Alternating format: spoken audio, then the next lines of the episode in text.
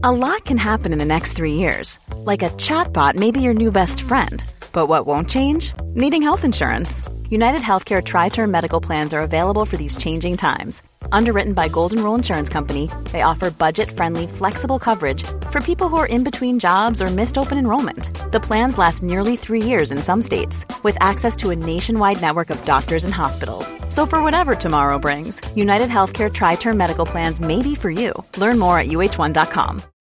Life is full of what ifs, some awesome, like what if AI could fold your laundry? And some, well, less awesome, like what if you have unexpected medical costs? United Healthcare can help get you covered with Health Protector Guard fixed indemnity insurance plans. They supplement your primary plan to help you manage out of pocket costs. No deductibles, no enrollment periods, and especially no more what ifs. Visit uh1.com to find the Health Protector Guard plan for you. Hold up. What was that? Boring. No flavor. That was as bad as those leftovers you ate all week. Kiki Palmer here, and it's time to say hello to something fresh and guilt-free. Hello Fresh. Jazz up dinner with pecan-crusted chicken or garlic butter shrimp scampi. Now that's music to my mouth. Hello Fresh. Let's get this dinner party started. Discover all the delicious possibilities at hellofresh.com.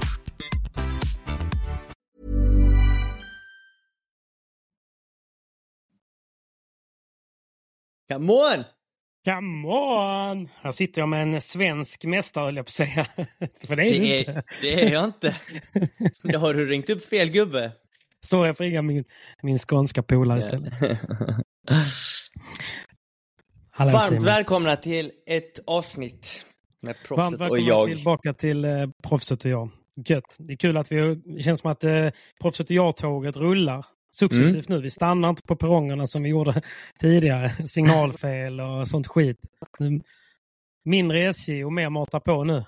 Det är bara en väg som finns och det är framåt. Ja. Vi matar, vi kör. Exakt. Ja, det är gött. Det är roligt att vara igång och det finns ju mycket att prata om så att eh, vi sätter väl igång igen. Jag tycker vi börjar med att eh, säga stort tack till eh, vår huvudsponsor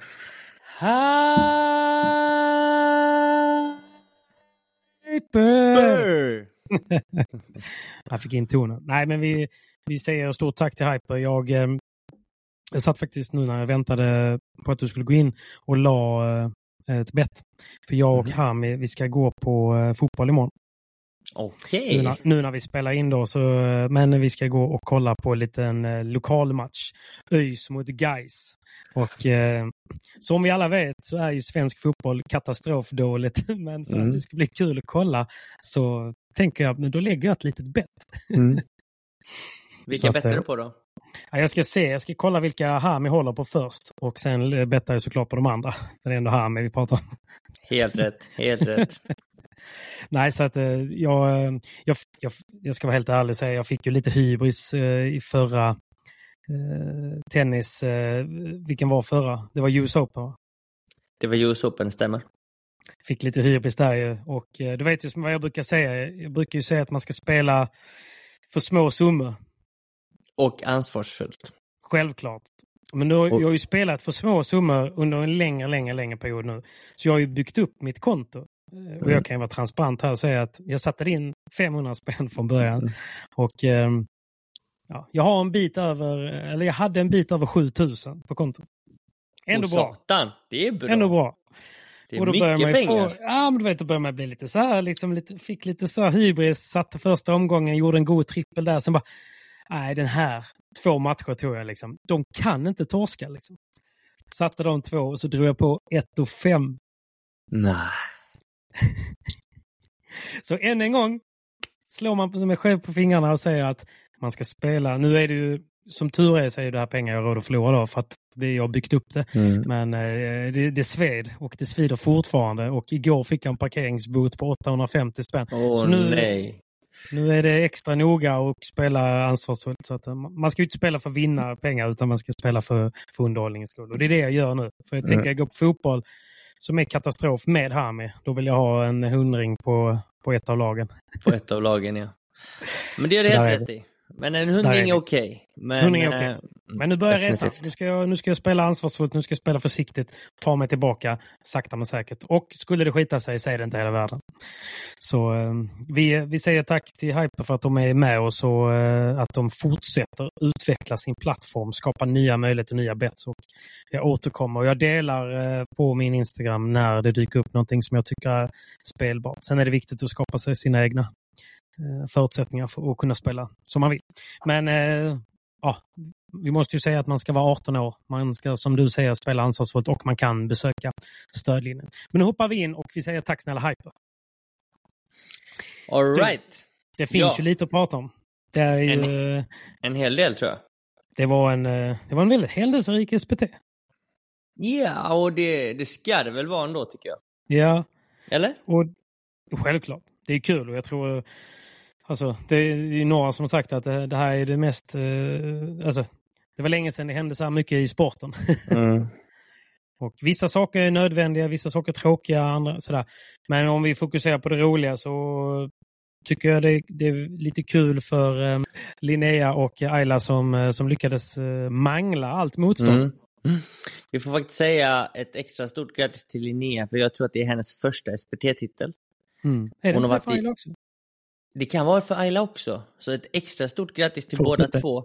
Vi ska ta reda på detta. Eh, Ja. Men i vilket fall, det är liksom en stor seger för båda två. De Det har det. varit i, jag vet att Linnea har varit i ett par finaler tillsammans med eh, Ayla också. Eh, och ja. Och inte tyvärr minst på SM. inte minst under SM. Så att eh, nu fick de väl sin lilla revansch. Mm. Eh, Och det är kul att se för att jag som, som ser mestadels Linnea här hur mycket hon, eh, hon jobbar och tränar. Också Ayla som kommer hit ibland och sparras eh, Ja. lite med eh, Linnea. Jag ser att de gör jobbet ju. De kämpar och de vill bli bättre och eh, det är kul när de får utdelning och får resultat av det. För det är det man Verkligen. jobbar för varje dag. Och det är också ett så Eh. jäkla bra par på något sätt. Man tittar på Ayla, spelar, hon är sjukt bollsnål, alltså hon missar väldigt lite. Mm. Tar jobbet som forehandspelare, ganska anonym, Mm. men lobbar fantastiskt bra, försvarar sig bra, krigar varje boll och så kan Linnea verkligen få utlopp för sin lite mer aggressiva spelstil. Det kan man säga. Jag tror att de synkar och deras paddel funkar väldigt bra tillsammans. Mm. Eh, sen så måste man få det att funka, alltså en hel tävling. Det är det som är det svåra tycker jag. För att Precis. vinner du en tävling, då har du verkligen lyckats eh, att spela bra och klara av alla uppgifter från match till match. Eh, och det, det, det, det finns de gångerna du spelar väldigt, väldigt bra en match, men du kommer inte alls upp i samma nivå nästa match. Nej. Men nu tycker jag faktiskt de höll sin högsta nivå från första match till sista match. Och därför tror jag att de eh, kom segrande ur förra helgen då i SPT i Malmö. Och det, är- det, är ett extra, det är extra svårt faktiskt att hålla ihop en hel tävling. Det, är- det är en sak att göra en riktigt bra match, eller ett riktigt bra sätt. Men det är en helt annan femma att faktiskt göra en klockren och felfri tävling och faktiskt ta hem en titel. Verkligen. Så stort grattis. Och på tal om klock, klockren och felfri tävling, det får man väl ändå säga att ni också gör? Ja, ja faktiskt. Eh, vi, vi, är väl, vi är väldigt nöjda med, eh, med vår tävling också. Och det vi har presterat. Eh, det var väl lite svajigt i början i första set i finalen. Men tar man bort något enstaka game där så spelar vi faktiskt felfritt hela, hela helgen. Så att jag och Danne var tappar, vä- ni tappar fyra game per match, max, fram till finalen va? tre. jag, tror, jag tror vi vann eh, 6-0, 6-3, 6-2, 6-1, 6-2, 6-1 och i finalen då 7-5, 6-1. Ja. Det är ändå... Eh, men men utöver, utöver siffrorna så tycker jag att jag och Danne verkligen presterade och gjorde det vi sa till varandra inför tävlingen. Vi hade liksom en spelform vi ville spela, vi hade, vi hade, vi hade målsättning med att vinna tävlingen såklart. Men vi hade en målsättning om hur vi ska vinna tävlingen. Och det, det som är fantastiskt kul med det här är att vår, vår plan fungerade hela vägen. Och vi, upp, alltså, vi spelade så som vi snackade om att vi skulle göra. Så att, eh, nej det var otroligt kul och vi var jävligt taggade framförallt. Vi, Mm. vi skrek mycket under denna helgen. Och det var ju liksom bara glädjen och eh, viljan att vinna och att vi verkligen njöt av att spela på hemmaplan. Vilket jag, Mm. jag, jag tycker att det är verkligen hemmaplan vart än i Sverige man spelar. Precis. Eh, så att... Eh, ja men definitivt, jag tror det. För att vi är ju Mm. borta rätt mycket och spelar många, alltså de flesta av vå- av våra tävlingar är utomlands. Ja. Eh, Jag tror vi snittar runt 30 tävlingar per år. Av de 30 så är det kanske sex stycken vi spelar på hemmaplan. Vilket är väldigt, väldigt lite. 20 Men procent. eh, Mm. precis, och när vi väl spelar på hemmaplan så känner vi också en extra press. För när vi väl är på hemmaplan då måste vi prestera, vi måste visa upp oss, vi måste liksom visa vår bästa version. Och det är inte alltid så lätt. Eh, Nej, det är väl jätte... Och någonstans har ju du, eller ni, du, både du och Danny har haft den pressen under ett par år nu. Varje Mm. gång ni tävlar hemma, jag menar du och Kaja hade ju den här streaken på, jag vet inte hur många SPT-raka Mm. ni hade, åtta, Mm. nio stycken. Eller om Mm. det var fler. Mm. Och det är klart att det sätter en, eh, en press. Varje gång man går in så är man ju inte bara favorit, man är stor favorit. Man förväntas att mangla mo- motståndet.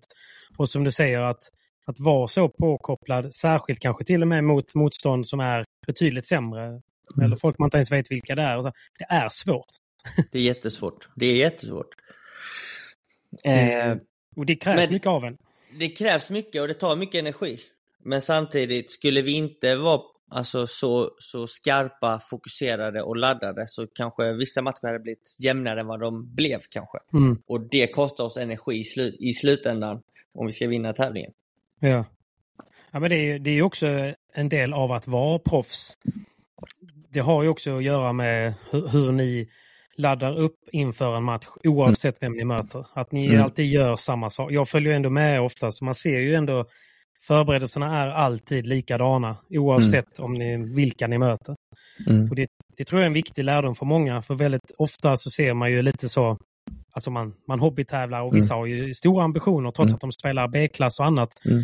Och då, då möter de någon på papper som de vet de vinner mot så blir det lite, det- ja men du vet, det, äts någon Mm. slarvig lunch tätt in på en hamburgare, sen springer man in på banan och så vaskar man ett set. Och, ja men du vet så här, det Mm. blir lite, fan det, det, det, det är ju det som krävs om man ska ta ett steg till där.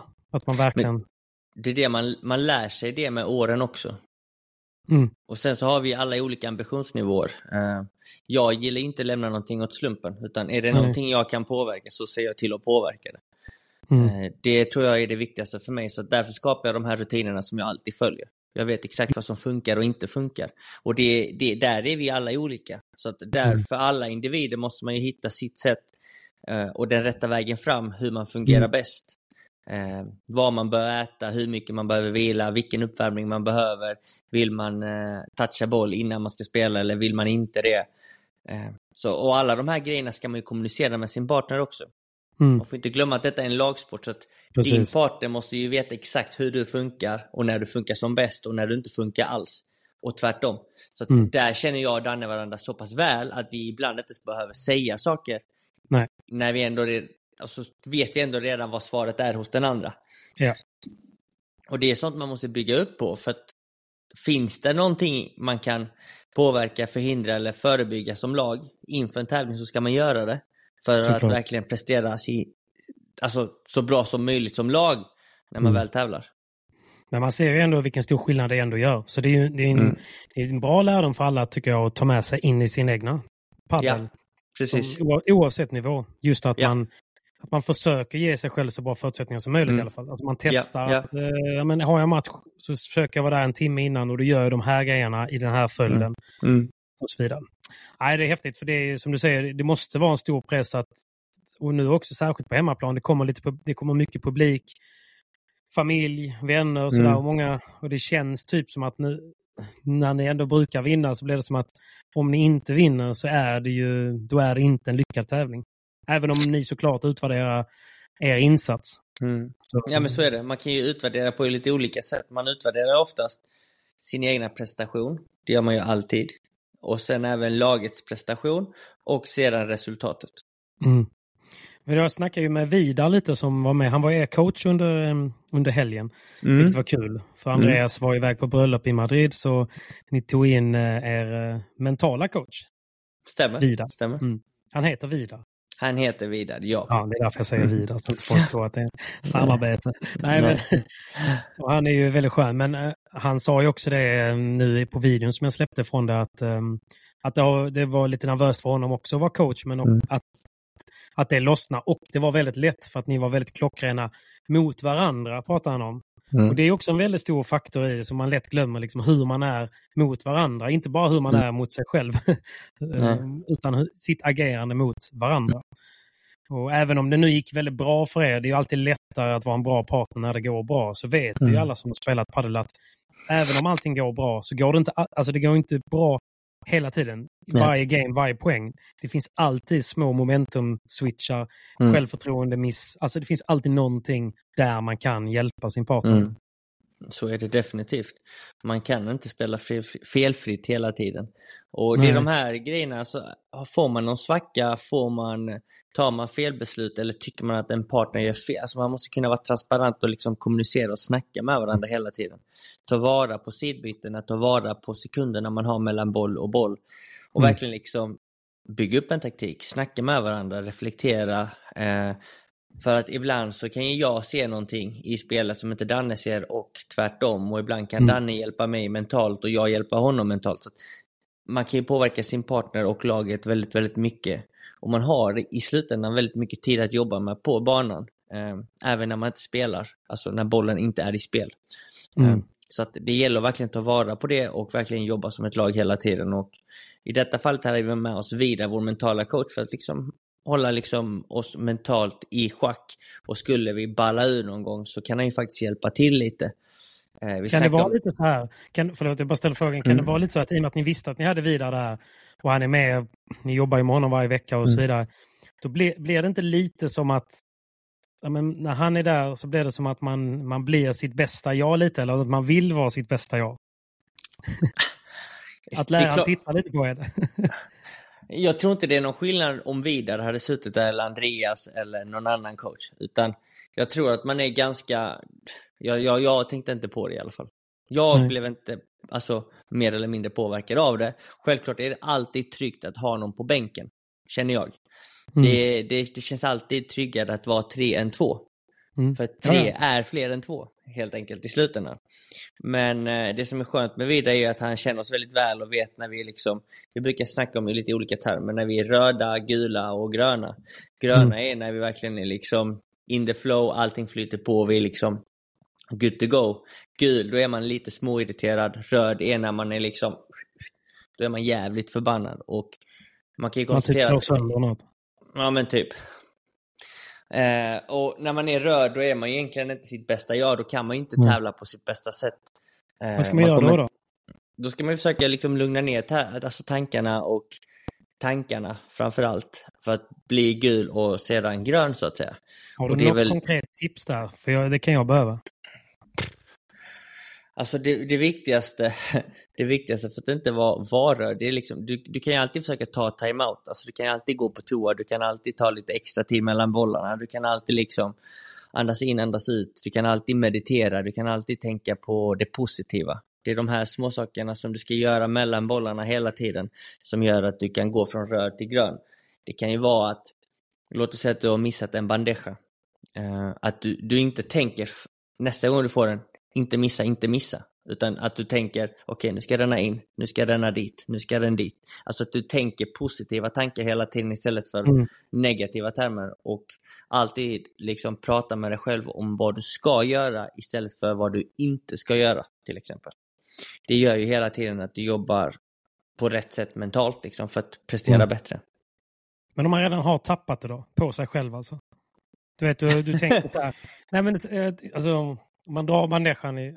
Om vi tar Aromi, missar en ganska öppen forehandvolley mm. i nät mm. för mm. att vinna set, missar den.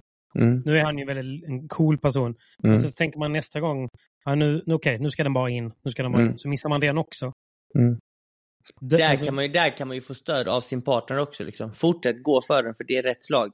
Och där får man ju confidence av sin partner. Så att det, det, det handlar om att känna av liksom situationen.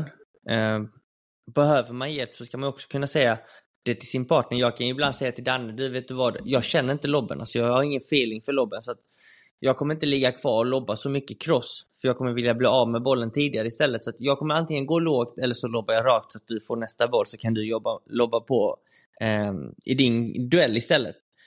Eh, eller det kan vara att jag vill inte ha, jag vet inte, overheads. Alltså jag vill, jag vill, jag vill spela mindre bandeja än vad jag gör. Mm. Hur kan vi uppnå det? Vart, vart och vem av dem lobbar minst på mig? Och vem har svårast för att lobba mot mig? Mm. Då kommer man lite ifrån den situationen. Eh, samtidigt som man, man ska inte vara rädd heller. Där brukar jag ju säga till Danne liksom, fan, gå, släpp armen, gör det stor, kör på bara. Det gör ingenting om du missar, jag gillar det slaget ändå liksom. D då ger jag henne, då ger jag ju min partner eh, självförtroende och energiboost konstant. Vilket mm. gör att han till slut kanske kommer börja sätta fler bollar. Eller kanske mm. hitta fler vinnande slag och bli större i matchen och spela bättre. Det gör ju egentligen att laget spelar bättre till slut. Så att det, det gäller liksom att ha bra kommunikation och känna av då sin partner. Eh, fan, nu kommer han ju gå ner sig, nu måste jag verkligen vara där och stötta honom. Liksom. Eh, så att eh, det är mycket, mycket tankar och mycket verktyg själv man måste jobba med. Där, där måste man liksom komma fram till vad och hur man själv fungerar. Där är vi alla olika också. Eh, men eh, det vi brukar jobba med mycket med vidare också är liksom vad du kan påverka och vad du inte kan påverka. Det Precis. du kan påverka, det ska du påverka. Det du inte kan påverka, det ska du bara liksom göra det bästa av situationen. Det är en väldigt bra grej vad man kan påverka och inte kan påverka. Mm. För jag vet ju själv, man kanske spelar tajta matcher ibland. Mm. Säg typ en golden point, viktigt mm. läge. Mm. Och så får de en nätrulla till exempel. Mm. Det kan du inte påverka. Nej, jag vet. Men det är otroligt surt och det kan ju mm. bli det kan ju verkligen vara en, en faktor som gör att man, att man tappar det mm. och förlorar mm. sättet eller något. Mm. Till exempel. Mm. Men det är väldigt viktig aspekt ju, för det är en sån som du säger, att man, att man, att man har den sinnesnärvaron där och då, nätrullan sker, att man kan tänka, kunde jag påverka att de fick en nätrulla? Nej. Och då kanske det blir lättare att hantera. Mm. Definitivt. Det jag menar, för det jag gillar är om man kan ge något konkret, mm. alltså dels till mig själv men också till någon som spelar eller mm. lyssnar. För det, jag tror att det är en väldigt viktig, eh, viktig grej. För då är man mm. också väldigt närvarande i mm. situationen som mm. sker. Mm.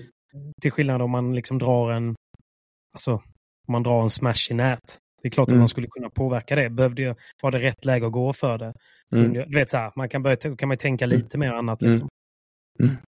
Men det jag ser ofta folk tappade över saker som de inte riktigt kunde påverka själv. Så är det ju. Och det är egentligen inte där du förlorar matchen eller sättet eller gamet. Alltså Nej. du kan ju påverka alltså, resultatet utan att en boll ska påverka så stor roll. Självklart, en golden point i set, alltså det, det, det avgör rätt mycket, men det avgör inte hela matchen. Du har ju själv satt dig, nej, du har själv satt dig i den situationen att ligga så pass illa till i matchen kanske. Att du har sett boll emot dig och sen att de får en nätrullare, fine. Men du har ju ändå redan satt dig i den situationen. Mm. Du har ju kunnat spela bättre än de tidigare game, men du hade kunnat spela på ett annorlunda sätt. Ja, okej okay, fine, men då testar vi det nu då. Matchen mm. är inte över. Precis. Viktig bit. Mm. En annan sak, du, sa, du pratar mycket om att göra sig stor. Och mm. inte minst eh, snackade du med det med Danne, jag var ju mycket i sidlinjen.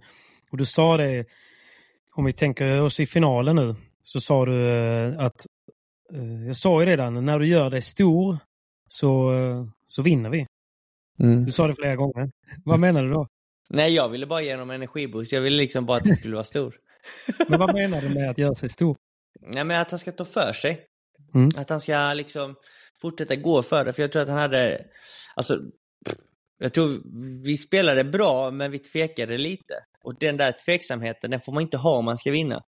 Och det är liksom så här, jag ville bara liksom att utsläpp ut armen, släpp loss, fortsätt tryck på bollen liksom. Var inte rädd för att du har missat en eller två. Ibland behöver man bara liksom eh, lite självförtroende. Alltså det var likadant som Danne sa till mig vid ett sidbyte. Han bara, nu går vi för Romy. Du äter upp honom. Han, han, gör, han gör ingenting mot dig.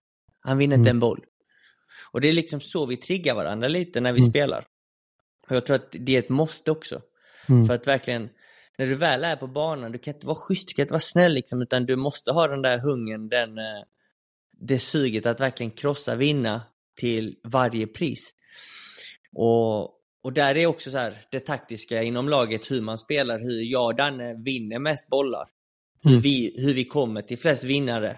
Då behöver jag ha en Danne som är stor. Och så kan jag liksom bygga upp det och sen så behöver jag honom att att han ska vara stor och ta för sig och avgöra mycket bollar. Mm. Eh, så att eh, därför... Men om vi tar finalen då. För ni, det började ju, alltså det är ju en väldigt tuff match. Jag, mm. jag vet inte, det, det kändes ju innan som att det är klart att det är lite 50-50 eh, match för att det är väldigt, väldigt bra motstånd, mm. givetvis. Men Gud, ja. ja. Och ni började ju väldigt jämnt. Det var ju en, egentligen till och med så att de hade ju lite övertag i första set. De hade övertag. Jag tror att det var ganska jämnt fram till tre lika. Ja. Jag minns inte om det var vid tre lika eller vid fyra tre de breakar oss faktiskt. Mm. Eh, tre lika tror jag de breakar oss. Leder de fyra tre breakar till fem fyra fem tre Jag minns inte riktigt hur det var. Men, mm. de, men jag vet att jag och Danne, vi, vi tvekade lite på spelet, men det var också för att Kaje och Aromi började så pass bra som de gjorde. De gav oss inget gratis. Eh, de missade knappt en boll, de gjorde banan stor. Men det var också att vi hjälpte dem att göra banan stor. För att vi spelade ganska brett. Eh, och det kunde de nyttja väldigt bra. Och sen spelade de i ett bra tempo hela tiden som gjorde oss lite tveksamma. Mm. Så att man måste ju liksom också ge dem beröm för hur de börjar matchen. Och ni styrde över lite mot Kaje rätt mycket i början, känns som också. Att mm. spelet var rätt mycket mer mot backhandhörnet. Eh, så kan det faktiskt vara. Jag har inte sett om matchen, jag ska faktiskt göra det. Men mm. Kaje fick mer boll i början och han gjorde det väldigt bra. Han gav oss inga gratisbollar.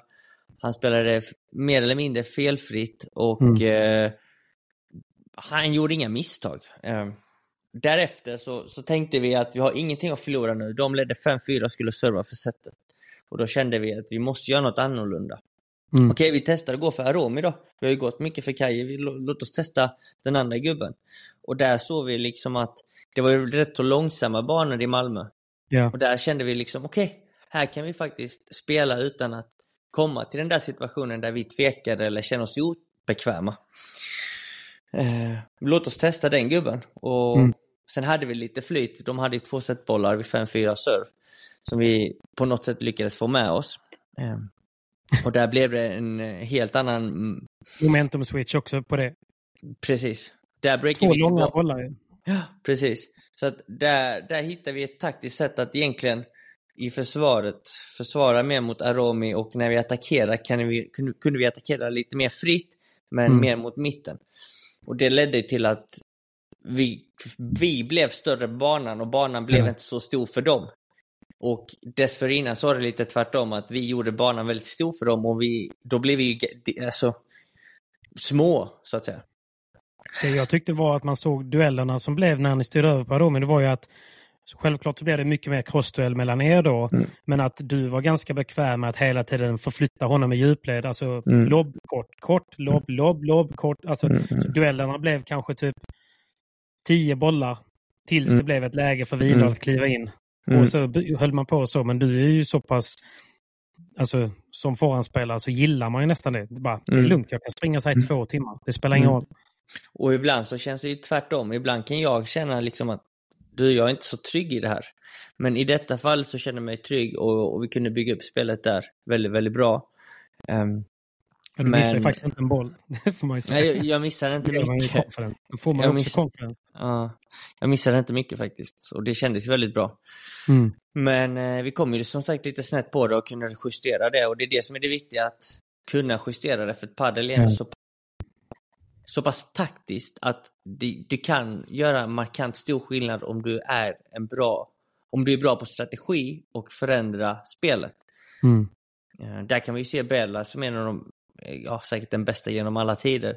Han är ju bäst på det. Han har inte de bästa vapnen, vapnen eller slagen, men han är sjukt bra på taktik. Och det, där ser man att det, det gör ju att du vinner fler matcher.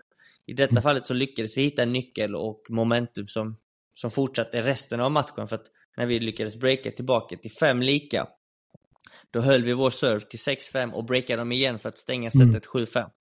Och där, där blev det liksom att de går ner i konferens och vi går upp i konferens och så fortsätter vi och mata på där på den linjen. Framförallt så såg man ju att Aromi tappar ju, man, han tappar den här glöden i ögonen. Han kände mm. att han kände att han inte hade någon edge riktigt. Och Nej. att han fick, jag vet inte nu, jag bara hittar på, men alltså jag, när man filmar så såg man verkligen hur Kaje försökte elda igång honom, peppa igång Mm. honom, men man såg att Mm. han var så här, typ, alltså jag, jag krigar 15, 15 16 gånger bollen över nät, Mm. men vi förlorar dem. Alltså förstår Mm. jag menar? Att det blir jobbigt för en. Spelar ingen roll vad jag gör typ. Nej, precis. Sen så kan ju alla ha en bra eller sämre dag. Jag vet inte hur han känner sig där, men... Nej. Jag vet inte. Jag tyckte vi liksom hittade en väldigt bra struktur och taktik för att vinna bollarna. Och framförallt Jag tycker missa, inte de missa, dåligt. missa väldigt lite. Nej, nej, absolut inte. Det var en fantastiskt bra match ju. Eh. Men vem så då- vet vad som hade hänt också. De har 5-4, två setbollar. Tar de en av dem, 6-4. Det är klart att det är en helt annan match också. Sen går ni ut eh, och kanske förändrar någonting annat sätt, men vem vet. Alltså det, Mm. Nu på pappret så blev det en väldigt så här, Mm. fin match, två Mm. raka set. mm, Men, eh, vem vet? Nej, det är det som är kul. Vem det är vet? kul. Men eh, otrolig insats. Eh, Mm. Sjukt kul att följa såklart. Mm. Är väldigt, väldigt roligt. Stort grattis. stort Men det var ju, det var ju, gick ju inte riktigt A lot can happen in three years, like a chatbot may be your new best friend. But what won't change? Needing health insurance. United Healthcare Tri Term Medical Plans, underwritten by Golden Rule Insurance Company, offer flexible, budget friendly coverage that lasts nearly three years in some states. Learn more at uh1.com. Hiring for your small business? If you're not looking for professionals on LinkedIn, you're looking in the wrong place. That's like looking for your car keys in a fish tank. LinkedIn helps you hire professionals you can't find anywhere else, even those who aren't actively searching for a new job but might be open to the perfect role. In a given month, over 70% of LinkedIn users don't even visit other leading job sites. So start looking in the right place. With LinkedIn, you can hire professionals like a professional. Post your free job on linkedin.com/people slash people today. lika bra för, ehm, eh, för alla andra under SPT. Jag tänker att vi får ju ändå ta upp hela den här incidenten med, med Linus och eh, domar, eh, domarincidenten. Mm. För det är ändå på allas läppar så att man får väl ändå eh, säg, nämna någonting om det. Mm. Vad Har du hunnit liksom bilda dig en uppfattning eh, kring det? Jag tror vi alla har våra uppfattning om situationen och jag vet inte vad man ska säga. Eh, Jag gillar egentligen inte kommentera sådana här saker för att jag är själv spelare och jag hade inte gillat om en annan spelare hade gått och kommenterat vad jag gör. Men om, om, man, om, man, om, man, om man ser det från ett objektiv situation och kollar det från regelboken, jo, fine. Det ska vara en diskning för att det, Den touchar flaskan, domaren. tyvärr så flyger ju den här biten från flaskan rätt på domaren. Och det räcker. Eh, ja, och det, ska, det räcker ju i teorin. räcker det. Eh, Mm. Sen vet jag ju att man vill ju ha seriösa domare också. Och man vill ju ha domare som är hårda så att spelarna verkligen följer reglerna. Så att, Mm. jag vet inte. Det finns, eh, det finns mycket tankar och, och mycket, mycket att prata om. Jag tror att alla kan ventilera och säga väldigt, väldigt mycket och jag tror att det är många som jag säger inte att vissa tänker rätt eller andra tänker fel, men eh, det blir fel av mig att kommentera det. Jag som Ja, spelare fattar. kan inte, jag kan inte kommentera en annan spelares handling, eh, så Nej. jag håller mig gärna utanför. Men du får gärna dela dina tankar. Fattar. Nej, men jag tycker, jag tycker så som du säger. Jag, jag har full respekt eller full förståelse för att det, det var en oturssituation. Alltså förstår man? Det var, en, eh, det var en nätrullare vad det gäller domslutet för att det är en varning i att han blir arg och slår racket. Det är det ju. Men sen landar den på domaren och det då i regelboken leder till en diskvalificering. Mm. Det får man då helt enkelt köpa. Alltså någonstans, någonstans så är det lite sådär, eh, om man nu tappar det. För nå, eh, viktigaste tycker jag med, med allting av det här, oavsett situation, oavsett spelare, man är alltid själv ansvarig för si- sitt agerande eller sin händelse. Det är alltid nummer ett. Mm. Så om man nu då liksom tappar det, det kan vara att man slår, tappar, kastar racket, slår ut bollen. Det spelar ingen roll vad som händer och inte händer så är man ändå ansvarig för det då. Så, så det är en faktor. Sen otur då att den träffade domaren och att det då kan leda till en diskvalificering. Mm. Mm. Det kan jag tycka. Sen finns det ju liksom många aspekter liksom i, och i det kan man tycka typ så här, ja men domaren ska egentligen inte sitta där, han ska sitta högre upp och då hade inte det hänt. Nej, det är fine. Men just när man då sätter utsätter sig för situationen så måste man ändå ta det ansvaret. Mm.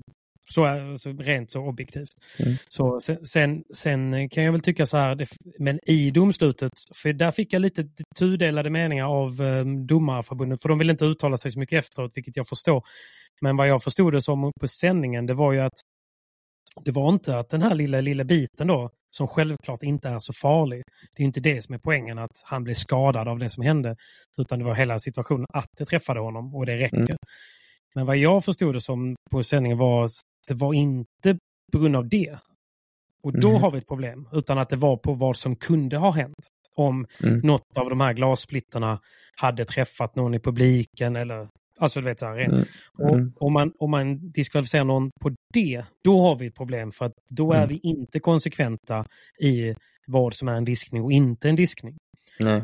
Nu vet jag inte om det exakt var så, men när man lyssnar på studion och lyssnar på vad domarna uttalar sig efteråt så var det lite som att ja, men vi valde att för att situationen var farlig och att eh, det hade kunnat hända någonting. Och då menar jag på lite som att det finns ju väldigt många incidenter där folk har skickat ut bollar mot publik eller ut i havet. Där man då faktiskt kan hävda att det kan också träffa någon i ögonen. Det kan också mm. skada. Alltså förstår man? Och det är också mm. en diskning då. Så om man då diskar honom för någonting som skulle kunna ha hänt, då, har vi ett, då tycker jag att det är väldigt, väldigt problematiskt. Mm. Men om man diskar honom för att i regelboken så står det att om domaren eller bollkallar eller funktionär blir träffade för det, då är det ett disciplinstraff för att man blir diskad. Så då mm. tycker jag det Men en viktig bit i det här som jag ändå tycker är hela poängen med varför jag la ut ett YouTube-klipp kring det. Det är att jag tycker att det hör hemma lite kritik, kritik hur man förmedlar domslutet. Mm. Det var otroligt oproffsigt hur man förmedlar att man är diskad och under, på vilka grunder. Mm. Alltså jag, jag, har ju, jag har sett liksom, fotbollsmatcher, korpenmatcher där domarna har faktiskt gått fram och förklarat att det här har hänt. Du, är, du är, får ett rött kort på grund av detta och jag vill inte höra någonting. Mm. Alltså förstår du vad jag menar? Mm. Nu var det liksom så här, det som man ändå fick med var så här, du diskad och så säger han så, men för vadå, för att plastflaskan gick sönder? Nej, jag vet inte vad som kunde ha hänt, men du diskad. Alltså, jag vet inte, jag vet inte. Och där tycker jag, nu vill jag inte ge något personligt mot domaren, för att, så här, utan jag bara menar att när man framger ett sånt tufft domslut som aldrig har hänt någon gång på SPT innan, mm. då måste man vara väldigt tydlig. Typ så här, mm. vet du vad, då, det här är ett regelfel, den här biten träffade mig, mm. därför är du diskad. Mm. Så att man vet om det. Men det var inte så det fram, det var inte så att de bara sa, nej det är färdigspelat, du är diskad. Och sen sa man inget mer. Och där tycker jag verkligen att eh, domarna ska ta, ta till sig kritik för det var otroligt oproffsigt eh, framfört. Och då, jag menar inte att, att det var rätt gjort av Linus. Jag tycker att all form av våld och jag tycker att han, om jag kan verkligen som kompis till Linus säga att jag tycker det var tycker, såklart sjukt dumt agerande efteråt. Eh, mm. Och då menar jag liksom, och då, jag fattar att topplocket har gått på honom. Men alltså när man väl har fått det här beslutet mot sig, alltså typ som att när polisen eh, plockade mig förra året för att körkortet rök. Jag hade kört i 32 mm. km timmen. De hade kunnat vara sköna och ge mig mm. böter för att det var på gränsen. Mm. mm. Men nu var, nu var de inte det. De hade reglerna på sin sida, de, poliserna. Mm. De kom fram och sa, vet du vad, vi kommer ta, ta ditt körkort. Jag, jag tjänar ingenting på att tappa det på dem. Nej. Alltså, förstår vad jag menar? De gör mm. i princip sitt jobb och sådär. Mm. Men jag, jag måste bara acceptera att, ja vet du vad, jag har satt mig i den här situationen själv. Mm. Eh, och eh, då får man liksom bara suga i sig det. Man kan inte, mm. där, där och då så måste man bara acceptera det. Hur fel och hur fult och hur dåligt det än är så där får man liksom bara ta den eh, mm. lilla, lilla smällen. Mm. Och så får man liksom snällt eh, tycka vad man tycker. För det, jag tror alla, alla tycker som man tycker, men som eh, idrottare i det läget eller som om man nu till och med ska representera ett landslag eller annat så får man nog till och med liksom, alltså man måste knyta näven i fickan och bara så här, det var jättedumt. Jag skulle absolut inte ha gjort det där. Förstår du vad jag menar? Mm. Alltså när, när domarna ändå tagit beslutet, alltså att tjafsa mot dem kommer aldrig leda till att de är så här, nej det är sant, vet du vad, fuck it. Spela på grabbar, spela Mm. på. Eh, och det är så jäkla lätt i efterhand att säga. Eh, Mm. jag fattar det. Men eh, till, till, till generellt till andra. Så jag är lite så här kluven i det. Jag tycker, att det, jag tycker det är en överdriven diskning. Jag fattar, att han har, jag fattar att han har reglerna på sin sida att kunna göra det. Men om man väljer att göra det så måste man framföra det på ett proffsigare sätt än vad man gjorde. Det kan jag tycka.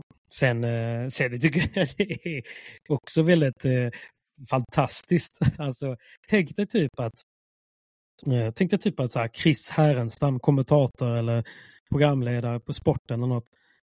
Det blir domslut. Han lämnar kommentatorstudion, springer ner på plan och säger till domaren Vad är det för jävla trams?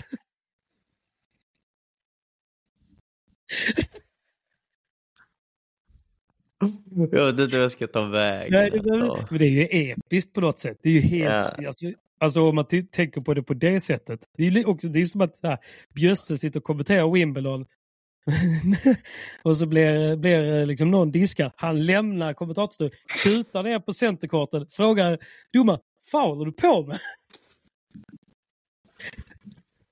Luda! Bara. Nej, men du vet. Det är faktiskt det är, det är otroligt eh, komiskt, tycker jag. Ja, alltså det, Så att, grejen... nej, det är väl, jag vet inte mer vad jag ska säga. Alltså, jag hade gärna diskuterat det med Linus eh, och det har jag gjort. Och eh, vi, vi är ju ganska överens om saker och ting och det är klart att han är väldigt ångerfull. Däremot så jag tror på riktigt att det här är en bra grej. Hela grejen. För, Ja. för både Linus och sporten. Men det, det har ju hänt saker innan. Jag har ju själv varit med och involverad i det. Och jag förstår inte liksom så här. Alltså om jag pratar från, från min synvinkel. Alltså har du gjort något fel, lägg dig platt Matt, gör ingenting, säg ingenting. Ta det i ett enskilt rum med de som är Säg- påverkade. Säger, säger vi som gick ut och eh, la ett eh, nackskott.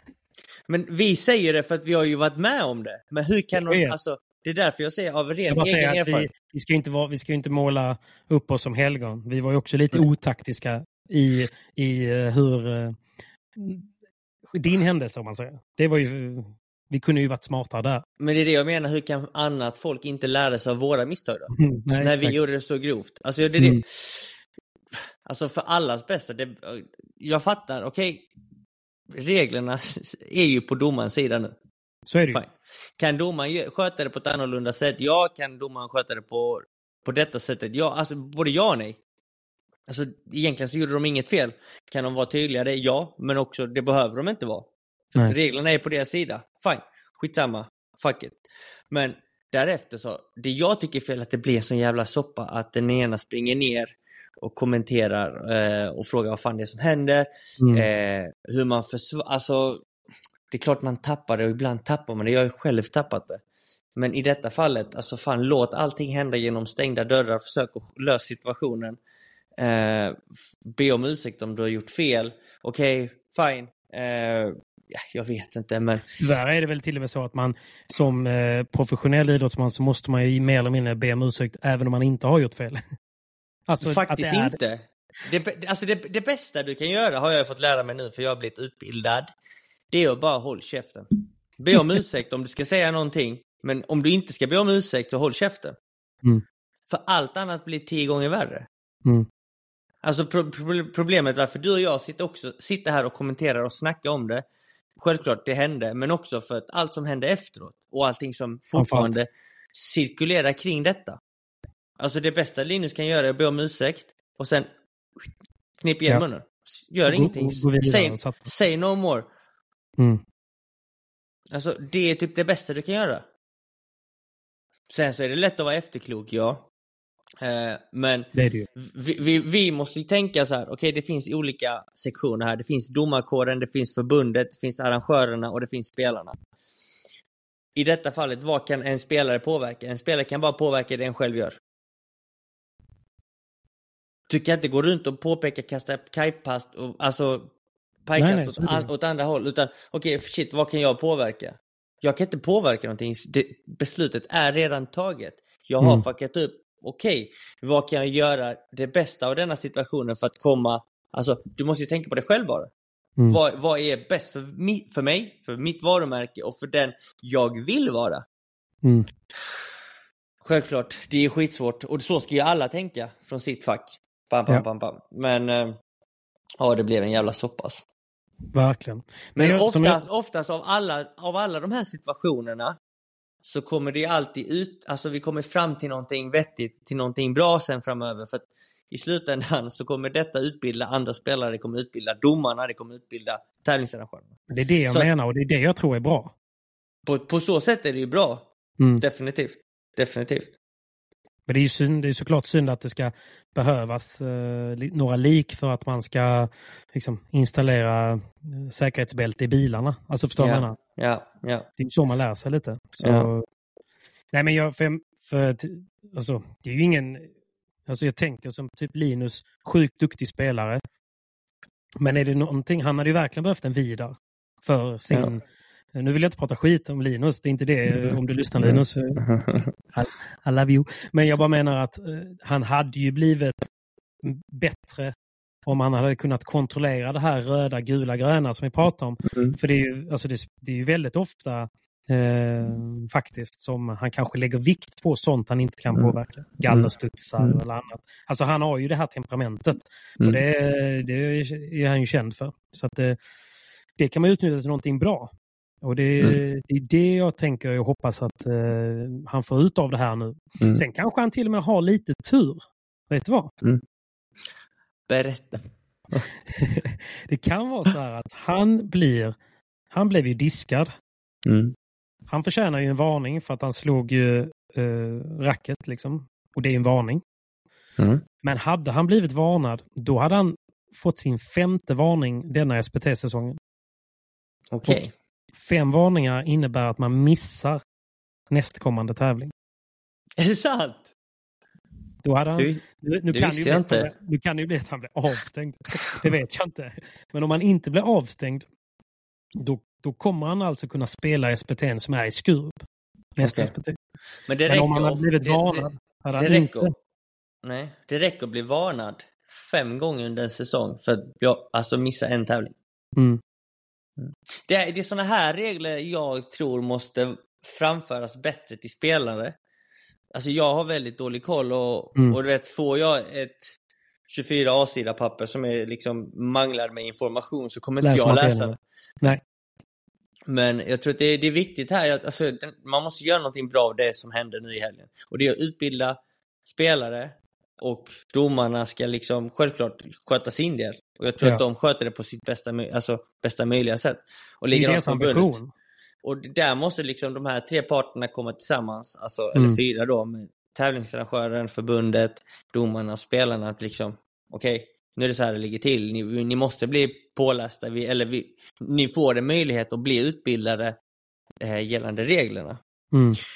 För jag vet inte liksom, för att i många fall så, om jag får en varning, så gäller den varningen Vindal också. För att man har tre varningar som lag och sen så är matchen över. Okej. Och jag är inte säker på de här reglerna heller. Nej. Nej, jag fattar. Eh, jag, vet- jag vet faktiskt inte hur det funkar. Nej. Men eh, där, där tror jag att det är liksom, sen så har vi spelare ett ansvar. Alltså jag som spelare har ett ansvar. Vad som gäller och vad att som står i.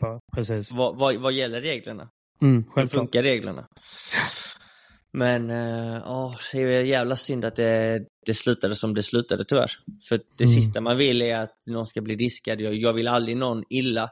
Och jag tror att i detta fallet får vi inte heller glömma att domarna också blir utsatta. Alltså precis som fotbolls, fotbollsdomare och andra stora domare inom andra sporter när de får eh, när de blir hotade till döds. Eh, när de blir jagade av huliganer som är missnöjda Mm. med ett domarslut, beslut från någon match. Alltså samma sak gäller här, alltså tror jag.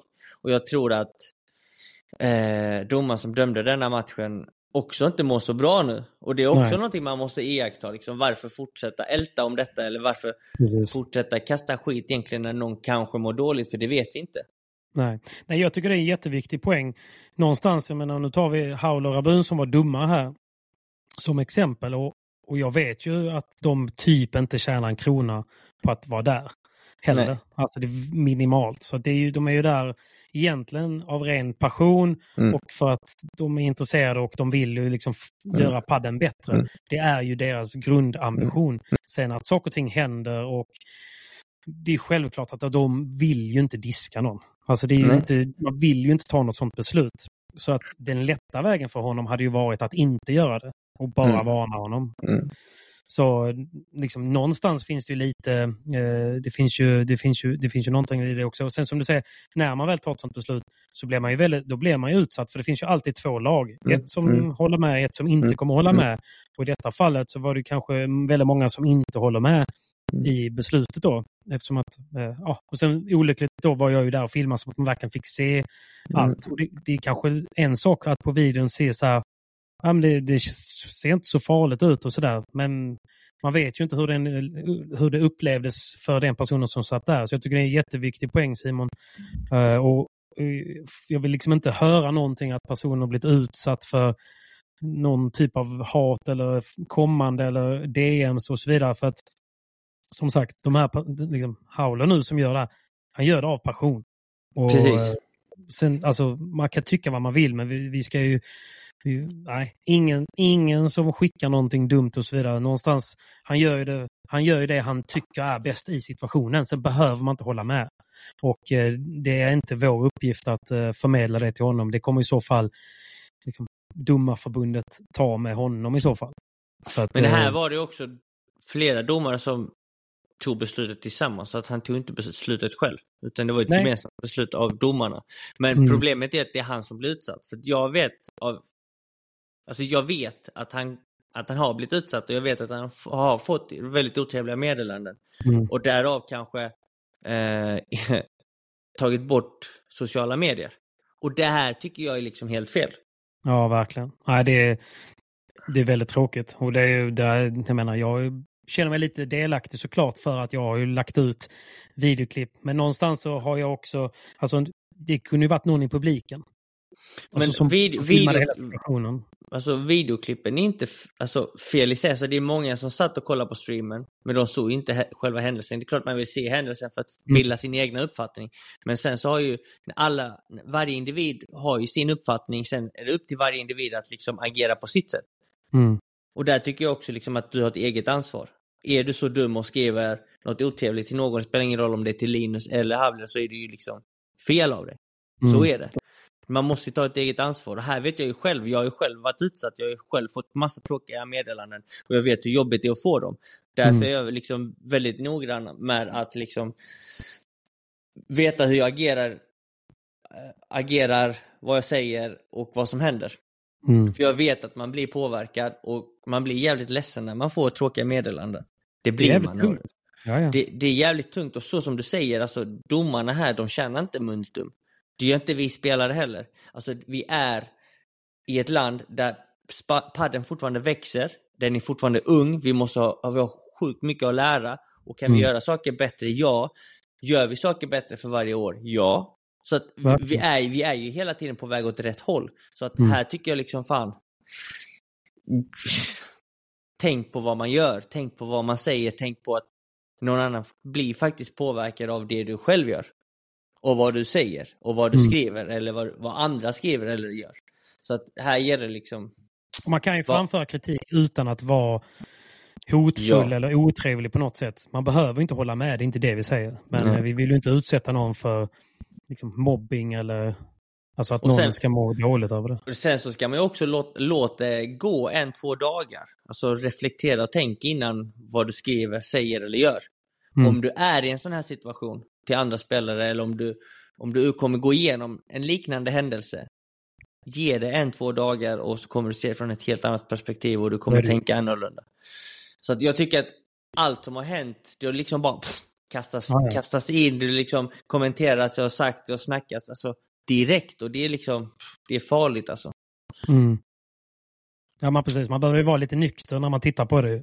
Ja, definitivt. Definitivt. Och det, det vet jag inte om alla har varit i denna situationen mm. och jag tror att det kommer att påverka väldigt negativt hos vissa människor liksom och jag tror inte att alla kommer alltid må så bra liksom. Nej. Tyvärr. Nej, precis. Nej, så är det ju. Så att, eh, nej, no, alltså. Och det, det, det, du, du kan ju sätta dig i situation som en domare, liksom, tar du ett beslut så får du det här, alltså en del av befolkningen emot dig. Men tar du inte det beslutet för att det är egentligen det beslutet du ska ta, då får du emot dig ett annat folk har. Ja. Så att oavsett vad du än gör så kommer du alltid få skit som domare och det här är Mm. ett sjukt tufft jobb. Och det- det som du säger, de här gubbarna gör det av ren passion för Mm. sporten. Så vi ska vara tacksamma att vi har dem, för att hade vi inte haft dem där, vem vet vad vi hade gjort på banan? Nej, precis. Nej, så är det ju. Och vi behöver ju, alltså man, det, här, det är ju inte tillåtet i, andra, i många andra sporter heller med alltså, agerandet. Nu, Nej. visst, det flisas rack i tennisen och då, då får man varningar. Men om man flisar och det träffar domaren, då blir man diskad. Då är du ute. Då är du avstängd. Så, så är det ju. Mm. Så att nej, nej jag vet inte, vi lämnar väl där. Men det är jag vet inte, bra poäng ändå tycker jag. Mm. Någonstans kontentan av allt. Oavsett så måste man alltid, om man själv är den som slår sitt racket i någonting, oavsett vad det är, så är man själv ansvarig för konsekvenserna. Hur osannolika oddsen än, än är. Ja. ja har, ju- man har ju sett sådana här Instagram-klipp som är helt sjuka när någon ska kasta racket i nätet, missa nätet och så drämmer den till på benet eller huvudet hos Ja, ja. motståndarna. nu är det bara amatörpadel men man har Jo, ju jo. sett att det har hänt. Alltså det, är ju farligt, det kan ju hända saker. Men eh, man, är, man är ansvarig för allt man gör, säger och agerar så tänk bara två gånger på vad ni säger, vad ni gör. Och har ni åsikter ibland så är det bättre att bara hålla det för sig själv och de som är involverade, låt dem sköta situationen bakom stängda dörrar så kommer det bli Mm. tio gånger bättre tror jag. Jag hade ett knep där, för jag var eh, involverad i massa skit för något år sedan här, där, där det blev massa konflikter i alla fall. Mm. Eh, professionellt då. Och då, då, då blev jag så arg under perioder. eh, för att ja, jag fick grejer mot mig och där man bara ville, du vet, man säger att jag fick ett mail eller ett sms Mm. med liksom ett långt sms, ett långt mail med felaktigheter eller någon som anklagade mig för saker och ting. Du vet, så, och det enda man vill då är att bara hugga tillbaka. Mm. Och, jag, och man brusar ju upp när man läser det för att det här är fel. Mm. Då, då, du har helt fel. Jag ska, det ska Mm. förklara.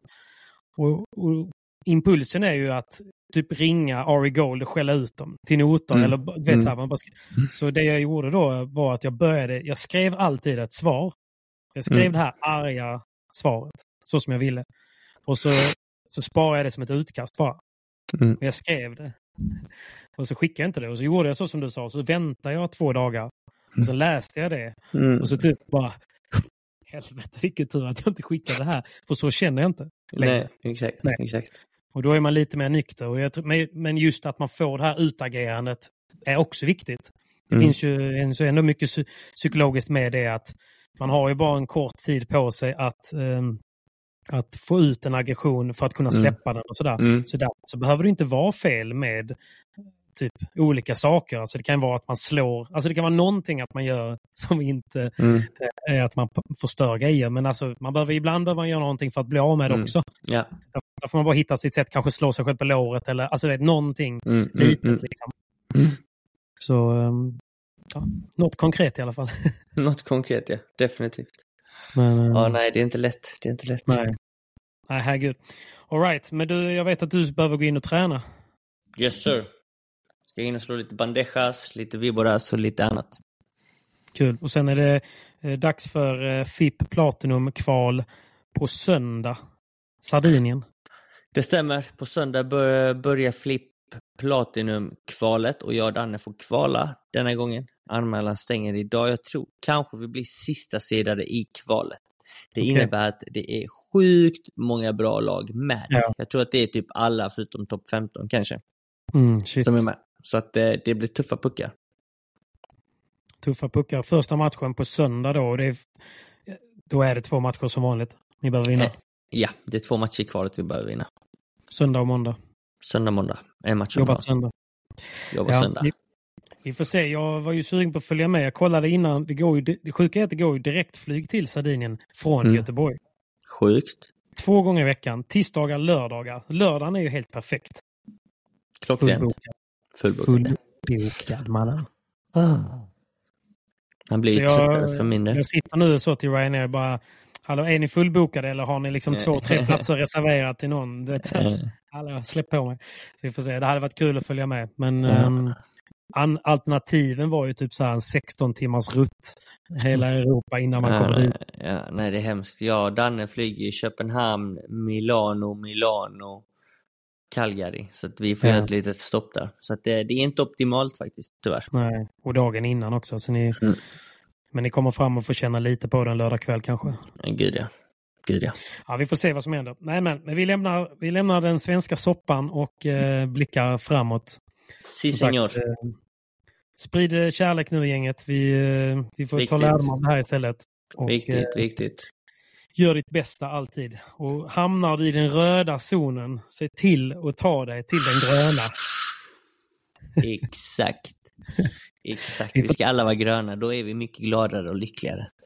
Vi borde ta med Vidar faktiskt, så han kanske kan lämna några konkreta tips. Faktiskt, faktiskt. Det är inte dumt. Det hade varit bra för mig. du är lugn. Du är alltid glad. Ganska lugn. Du, hanter, du hanterar stress, ilska och allting på bästa möjliga sätt. Så du, du, kan, du kan det här. Du är alltid grön. 850 p-bot igår. Då var det bara så här. Då är det fredag i bordet igen. Och vet du vems fel det var? Nej. Mitt. Det är alltid ens egna fel. Det det. Man måste alltid hålla sig själv accountable. Så är det. Om, med det så säger vi tack snälla för denna gången. Ta hand om varandra. Puss och kram. Puss och kram. Tack och hej. Even on a budget, quality is non-negotiable. That's why Quince is the place to score high-end essentials at 50 to 80% less than similar brands. Get your hands on buttery soft cashmere sweaters from just 60 bucks, Italian leather jackets, and so much more. And the best part about Quince, they exclusively partner with factories committed to safe, ethical, and responsible manufacturing. Elevate your style without the elevated price tag with Quince. Go to quince.com slash upgrade for free shipping and 365-day returns. Hold up. What was that? Boring. No flavor. That was as bad as those leftovers you ate all week. Kiki Palmer here, and it's time to say hello to something fresh and guilt-free. Hello Fresh. Jazz up dinner with pecan-crusted chicken or garlic butter shrimp scampi. Now that's music to my mouth. Hello Fresh. Let's get this dinner party started. Discover all the delicious possibilities at hellofresh.com. Mom deserves the best, and there's no better place to shop for Mother's Day than Whole Foods Market. They're your destination for unbeatable savings, from premium gifts to show-stopping flowers and irresistible desserts. Start by saving 33% with Prime on all body care and candles. Then get a 15-stem bunch of tulips for just $9.99 each with Prime. Round out Mom's menu with festive rosé, irresistible berry chantilly cake, and more special treats. Come celebrate Mother's Day at Whole Foods Market.